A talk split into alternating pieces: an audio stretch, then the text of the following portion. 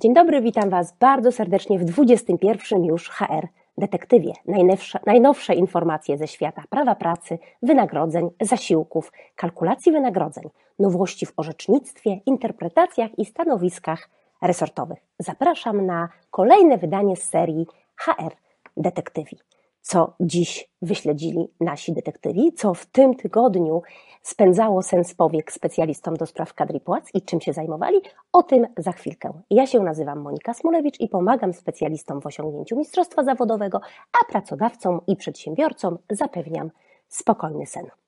News pierwszy. Zmiana stanowiska Ministerstwa Rozwoju, Pracy i Technologii w sprawie urlopów wypoczynkowych w czasie kwarantanny. Obowiązki pracownika w okresie kwarantanny i izolacji budziły wiele pytań i niedomówień. Praca zdalna na izolacji i kwarantannie była interpretowana na różne sposoby, aż została wreszcie uregulowana prawnie. A jak izolacja i kwarantanna ma się do urlopu wypoczynkowego, bo bardzo często kierujecie też do nas takie pytania, czy pracownik zamiast kwarantanny może w tym czasie skorzystać z urlopu wypoczynkowego. Zgodnie ze stanowiskiem Ministerstwa Rozwoju, Pracy i Technologii z 24 listopada 2020 roku w okresie kwarantanny pracownik nie może skorzystać z takiego urlopu, ponieważ nie byłby on w stanie swobodnie decydować o sposobie wykorzystania urlopu. Ministerstwo powołuje się tutaj na artykuł 165 i 166 Kodeksu Pracy, gdzie przesunięcie lub przerwanie urlopu wymienione jest jako odosobnienie w związku z chorobą zakaźną. Już 31 grudnia, czyli dosłownie kilkanaście dni temu, Ministerstwo Rozwoju, Pracy i Technologii ogłosiło natomiast, że urlop wypoczynkowy w trakcie kwarantanny jest możliwy, ale tylko w sytuacji, kiedy w tym czasie pracownik wykonuje pracę zdalną. Uzasadniając swoje stanowisko, Ministerstwo Pracy stwierdziło, że urlopu wypoczynkowego udziela się pracownikowi w dni, które są dla niego dniami pracującymi. Pracownik musi również pamiętać, że takiego pracownika nadal obowiązuje w czasie urlopu na kwarantannie izolacja społeczna. Mam nadzieję, że ten news wywołał uśmiech na Twojej twarzy, bo to naprawdę było spore zmartwienie wielu pracodawców, przedsiębiorców i kadrowców. Przechodzimy zatem do newsu drugiego. News drugi, mały ZUS Plus w 2021 roku. Jeszcze tylko do końca stycznia najmniejsi przedsiębiorcy mogą się zgłaszać do ulgi tzw. Tak mały ZUS Plus. Mały ZUS Plus to dobrowolne rozwiązanie, które umożliwia opłacanie niższych składek na ubezpieczenia społeczne w przypadku przedsiębiorców, których przychód z tytułu prowadzonej działalności gospodarczej w ubiegłym roku nie przekroczył 120 tysięcy złotych. Przedsiębiorca, który chce skorzystać z małego ZUS Plus, powinien zgłosić się do ulgi maksymalnie do 1 lutego 2021 roku. Mały ZUS Plus to ulga uprawniająca do płacenia niższych składek na ubezpieczenie społeczne. Ulga nie obejmuje składki zdrowotnej, którą trzeba płacić w pełnej wysokości. Na małym ZUS Plus można być maksymalnie przez 36 miesięcy w ciągu ostatnich 60 miesięcy prowadzenia firmy. Więcej na ten temat przeczytasz na moim blogu monikasmulewicz.pl, do którego odwiedzania zapraszam Cię serdecznie. Zaglądaj tam systematycznie, bo ciągle pojawiają się nowości. News trzeci. Kolejna kara za naruszenie ochrony danych osobowych. Milionową karę zapłaciła spółka ID Finance Poland, zajmująca się udzielaniem pożyczek finansowych z wykorzystaniem serwisu internetowego. Spółka dostała zawiadomienie od jednego ze specjalistów zajmujących się cyberbezpieczeństwem o tym, że na jednym z jej serwisów dostępne są dane klientów. Administrator, zamiast rzetelnie odnieść się do tego doniesienia i monitorować, zignorował sprawę. Miał poczucie, że to kolejna próba wyłudzenia od niego danych osobowych, a jednocześnie z tego tytułu e, haraczu, bo takie sytuacje bardzo często pojawiają się w sieci. Niestety, kilka dni później osoba nieuprawniona skopiowała te dane, hasła i loginy klientów, a następnie usunęła je z serwera. Za zwrot wykradzionych informacji Łącznie pobrano dane 140 699 klientów spółki, zażądała okupu. Dopiero wtedy spółka rozpoczęła analizowanie zabezpieczeń na swoich serwerach i jednocześnie zgłosiła naruszenie ochrony danych osobowych organowi nadzoru. Prezes Urzędu Ochrony Danych Osobowych, nakładając karę pieniężną, wziął pod uwagę charakter i wagę naruszenia pod względem liczby poszkodowanych osób oraz czas trwania naruszenia. Zdaniem Urzędu Ochrony Danych Osobowych spółka nie podjęła działań w sposób wystarczający, a administrator nie potraktował go z odpowiednią powagą i nie zobligował podmiotu przetwarzającego do należytego zajęcia się sprawą.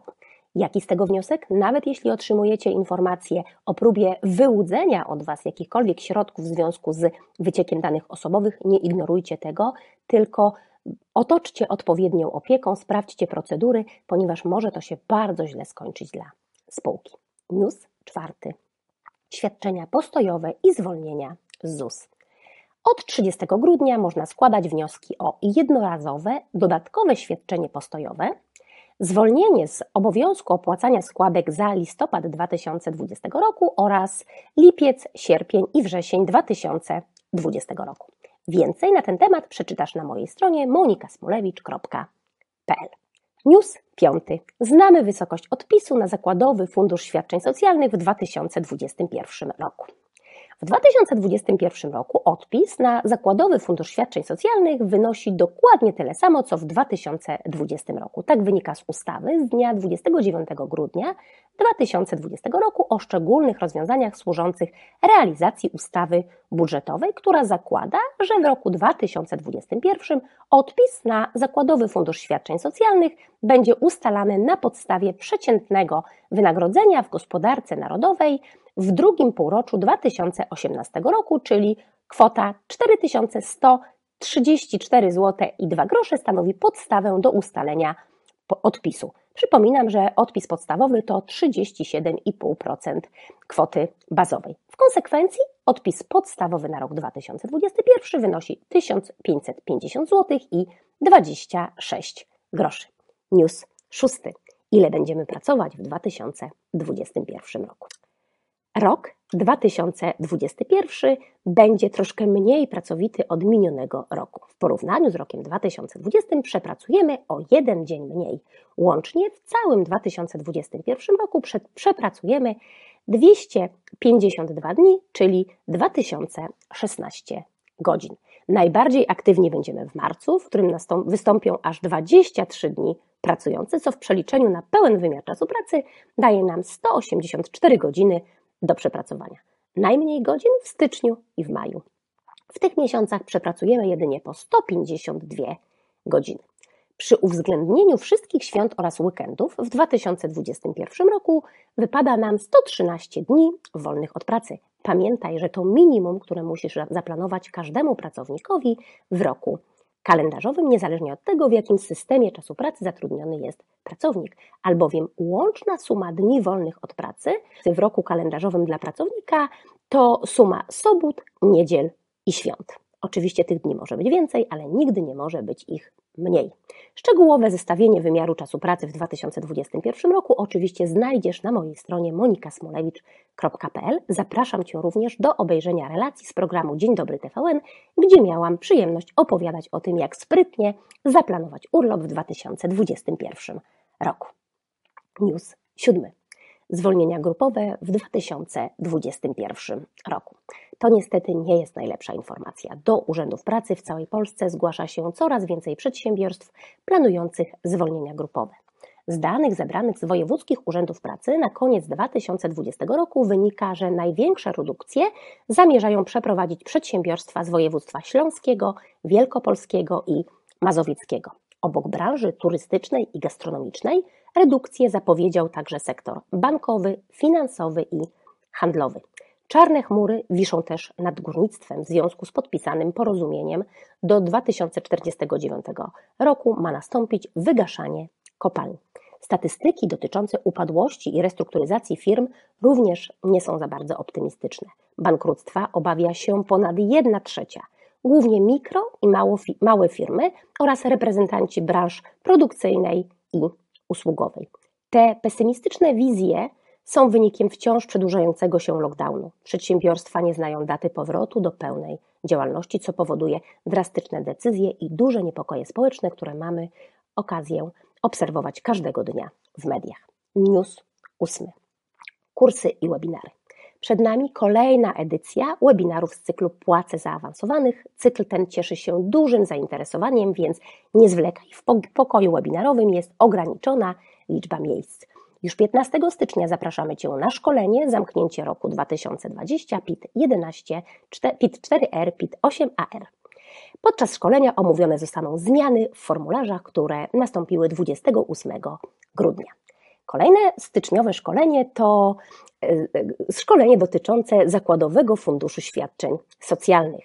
Pamiętaj, że 25 stycznia 2021 roku odbędzie się u nas szkolenie Zakładowy Fundusz Świadczeń Socjalnych Ogólne zasady tworzenia, funkcjonowania i rozliczania. W tym miejscu przypomnę Ci tylko, że jeśli zamierzasz w tym roku zrezygnować z tworzenia Zakładowego Funduszu Świadczeń Socjalnych, to taką informację musisz podać do ogólnej wiadomości wszystkich pracowników do 31 stycznia 2021 roku. Jak to zrobić? Jaka jest procedura i o czym nie możesz zapomnieć, dowiesz się podczas szkolenia prowadzonego przez Przemysława Jerzaka. W lutym rusza też kolejna edycja Akademii Mistrzostwa Kadrowo-Płacowego.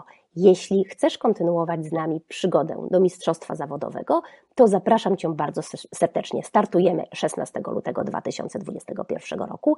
Mocno zapinamy pasy i startujemy w dziewięciomiesięczną podróż do Mistrzostwa zawodowego.